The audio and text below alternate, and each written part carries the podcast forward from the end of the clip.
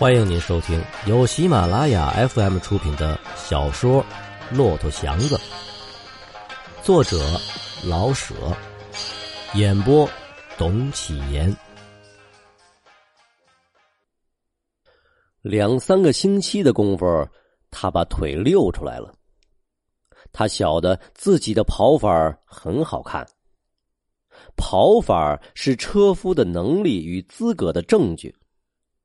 那撇着腿像一对蒲扇在地上扇呼的，无疑是刚由乡间上来的新手。那头低得很深，双脚蹭地，跑和走的速度差不多，而颇有跑的表示的，是那些五十岁以上的老者们。那经验十足而没什么力气的，却另有一种方法：胸向内含，度数很深。腿抬得很高，一走一探头，这样他们就带出跑得很用力的样子，而事实上，一点儿也不比别人快。他们仗着做派去维持自己的尊严。祥子当然绝不采取这几种姿势。他的腿长步大，腰里非常的稳，跑起来没有多少响声。步步都有些伸缩，车把不动，使座觉得安全舒服。说站住，无论在跑得多么快的时候，大脚在地上轻蹭两蹭就站住了。他的力气似乎能达到车的各部分，脊背微俯，双手松松的拢住车把，他利落、活动、准确。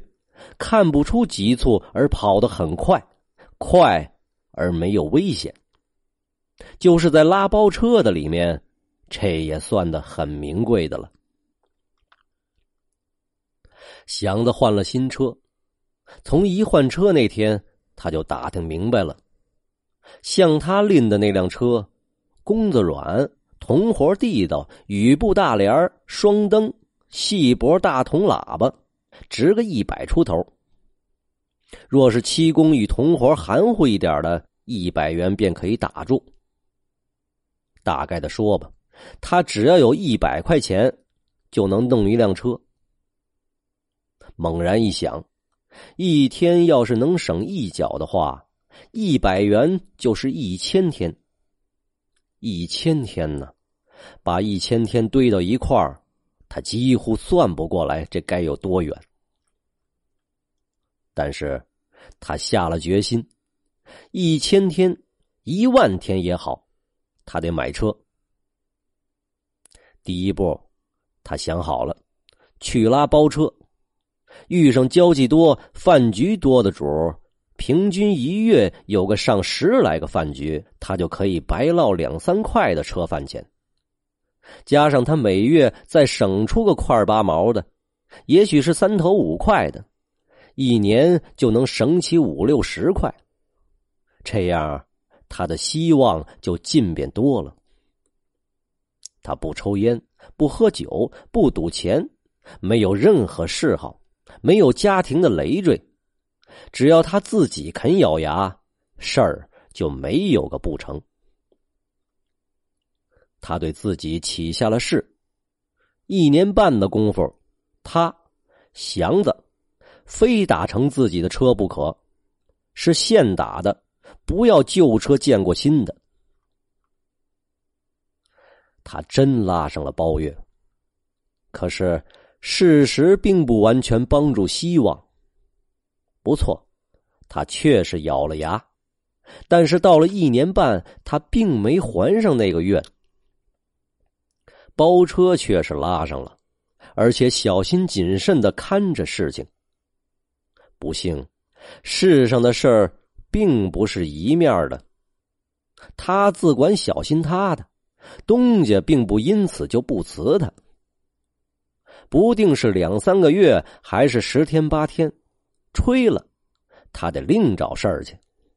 自然，他得一边找事儿，还得一边拉散座。骑马找马，他不能闲起来。在这种时节，他也常常闹错他还强打着精神，不专为混一天的脚骨，而且要继续着积蓄买车的钱。可是强打精神永远不是件妥当的事儿。拉起车来，他不能专心一致的跑，好像老想着些什么，越想便越害怕，越气不平。假若老这么下去，几时才能买上新车呢？难道自己还算个不要强呢？在这么乱想的时候，他忘了素日的谨慎。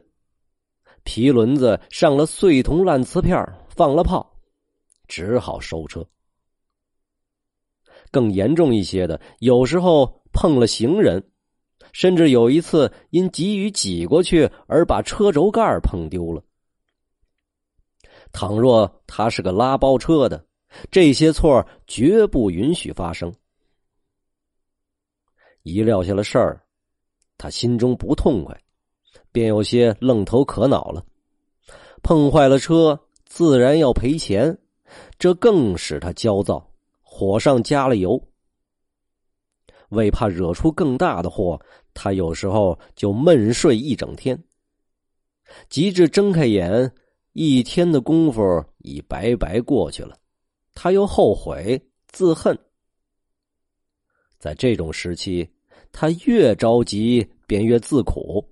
吃喝越没规则，他以为自己是铁做的，可是感情他也会病，病了又舍不得钱去买药，自己硬挺着，结果病是越来越重，不但得买药，而且得一气儿休息好几天。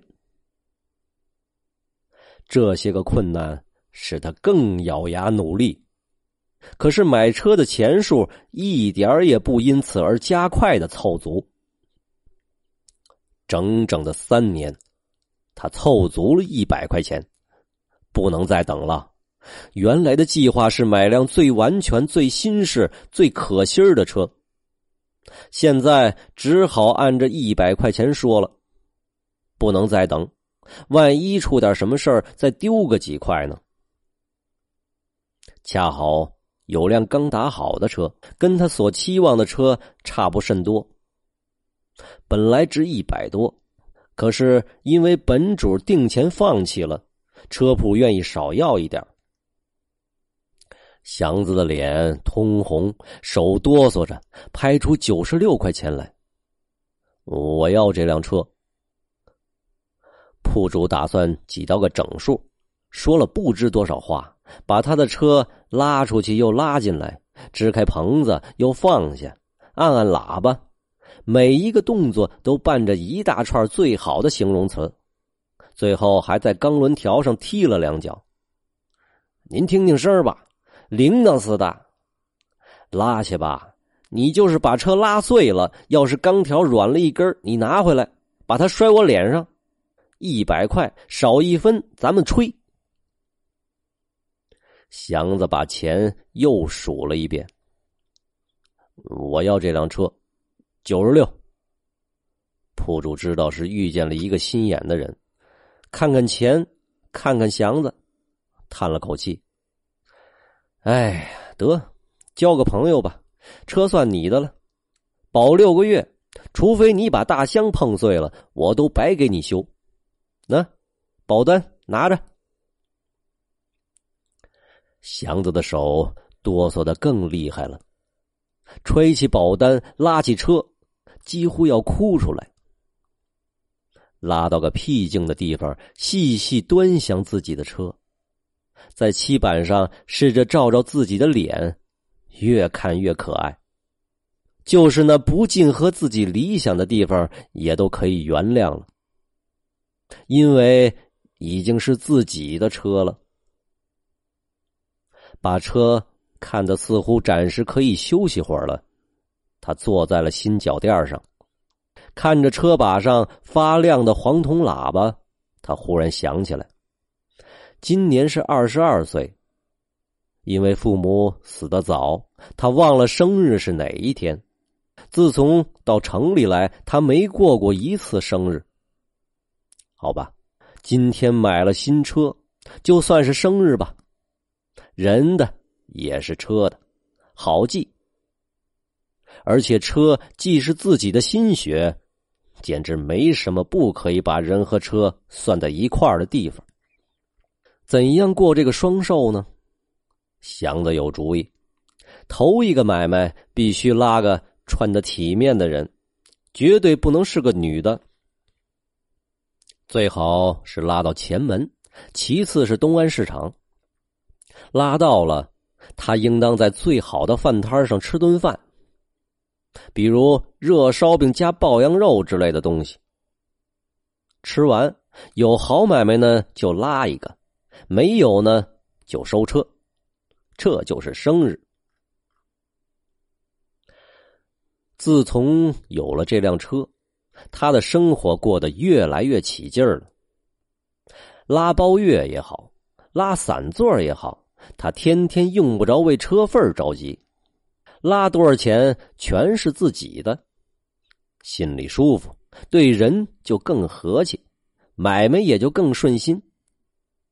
拉了半年，他的希望更大了。照这样下去，干上两年，至多两年，他就又可以买辆车。一辆，两辆，这样算下去，他也可以开个车厂子了。可是，希望多半落空，祥子的也非例外。因为高兴，祥子的胆子也大起来。自从买了车，他跑得更快了。自己的车当然格外小心，可是他看着自己，再看看自己的车，假若不快跑的话，就觉得有些不是味儿了。自从到城里来，又长高了一寸多，他自己觉出来。仿佛还得往高里长呢。他的皮肤与模样都更硬邦与固定了一些，而且上唇上已经有了小小的胡子。可是他以为还应当再长高一些。当他走到个小屋门或街门，而必须大低头才能进去的时候，他虽不说什么，可是心中暗自欢喜，因为。他已经是这么高大，而觉得还正在生长。他似乎是个成人，又是个孩子。这么大的人，拉上这么美的车，他自己的车，弓子软的颤悠颤悠的，连车把都微微的动弹。车厢是那么亮，垫子是那么白。喇叭是那么响，跑得不快，怎么能对得起自己呢？又怎么对得起那辆车呢？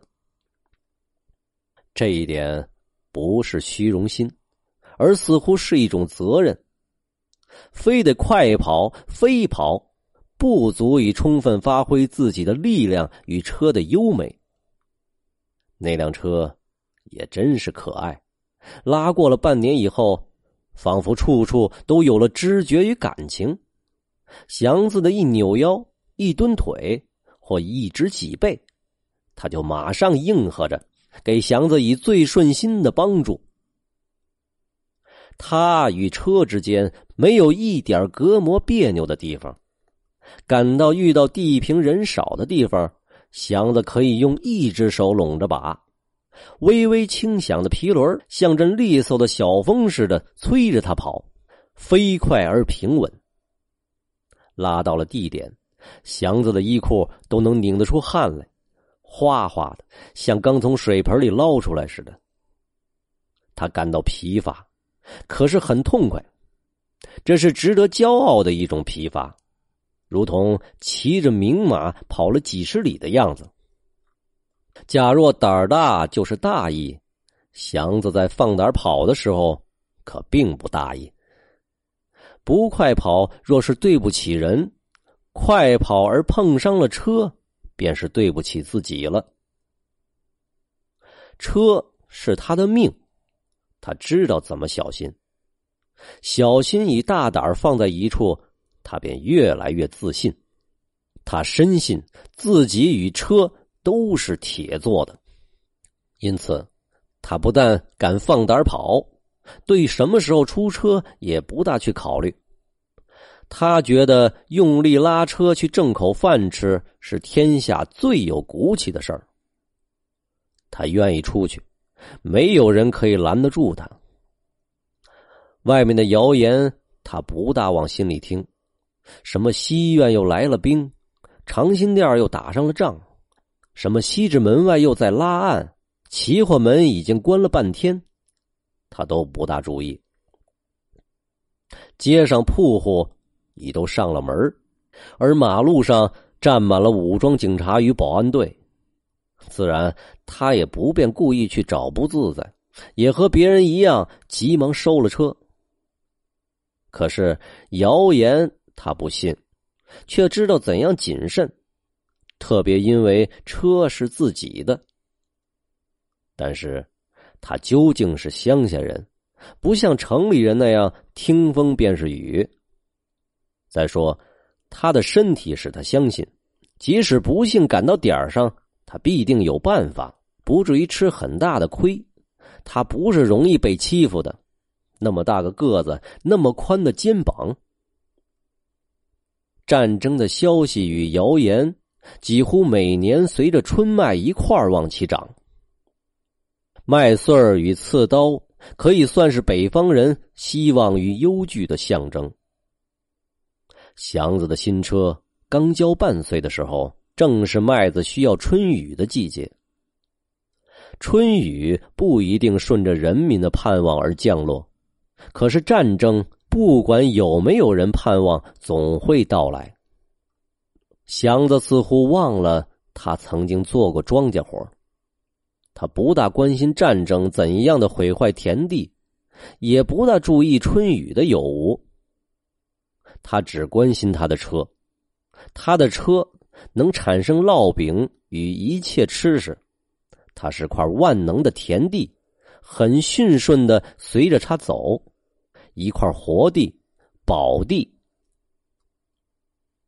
因为缺雨，因为战争的消息，粮食都涨了价钱。这个祥子知道，可是他和城里人一样的，只会抱怨粮食贵，而一点主意也没有。粮食贵贵吧，谁有法叫他贱呢？这种态度使他只顾自己的生活，把一切祸患灾难都放到脑后。倘若城里的人对于一切都没有办法，他们可会造谣言，有时完全无中生有，有时把一分说成十分，以便显出他们并不愚傻与不做作。他们像些小鱼，闲着的时候把嘴放在水皮上。吐出几个完全没用的水泡，也怪得意。在谣言里，最有意思的是关于战争的。别种谣言往往始终是谣言，好像谈鬼说狐那样，不会说着说着就真见了鬼。关于战争的，正是因为根本没有正确消息，谣言反倒能立竿见影，在小事上。也许与真实有很大的出入，可是对于战争本身的有无，十有八九是正确的。要打仗了，这句话一出口，早晚准会打仗。至于谁和谁打，怎么打，那就一个人一个说法了。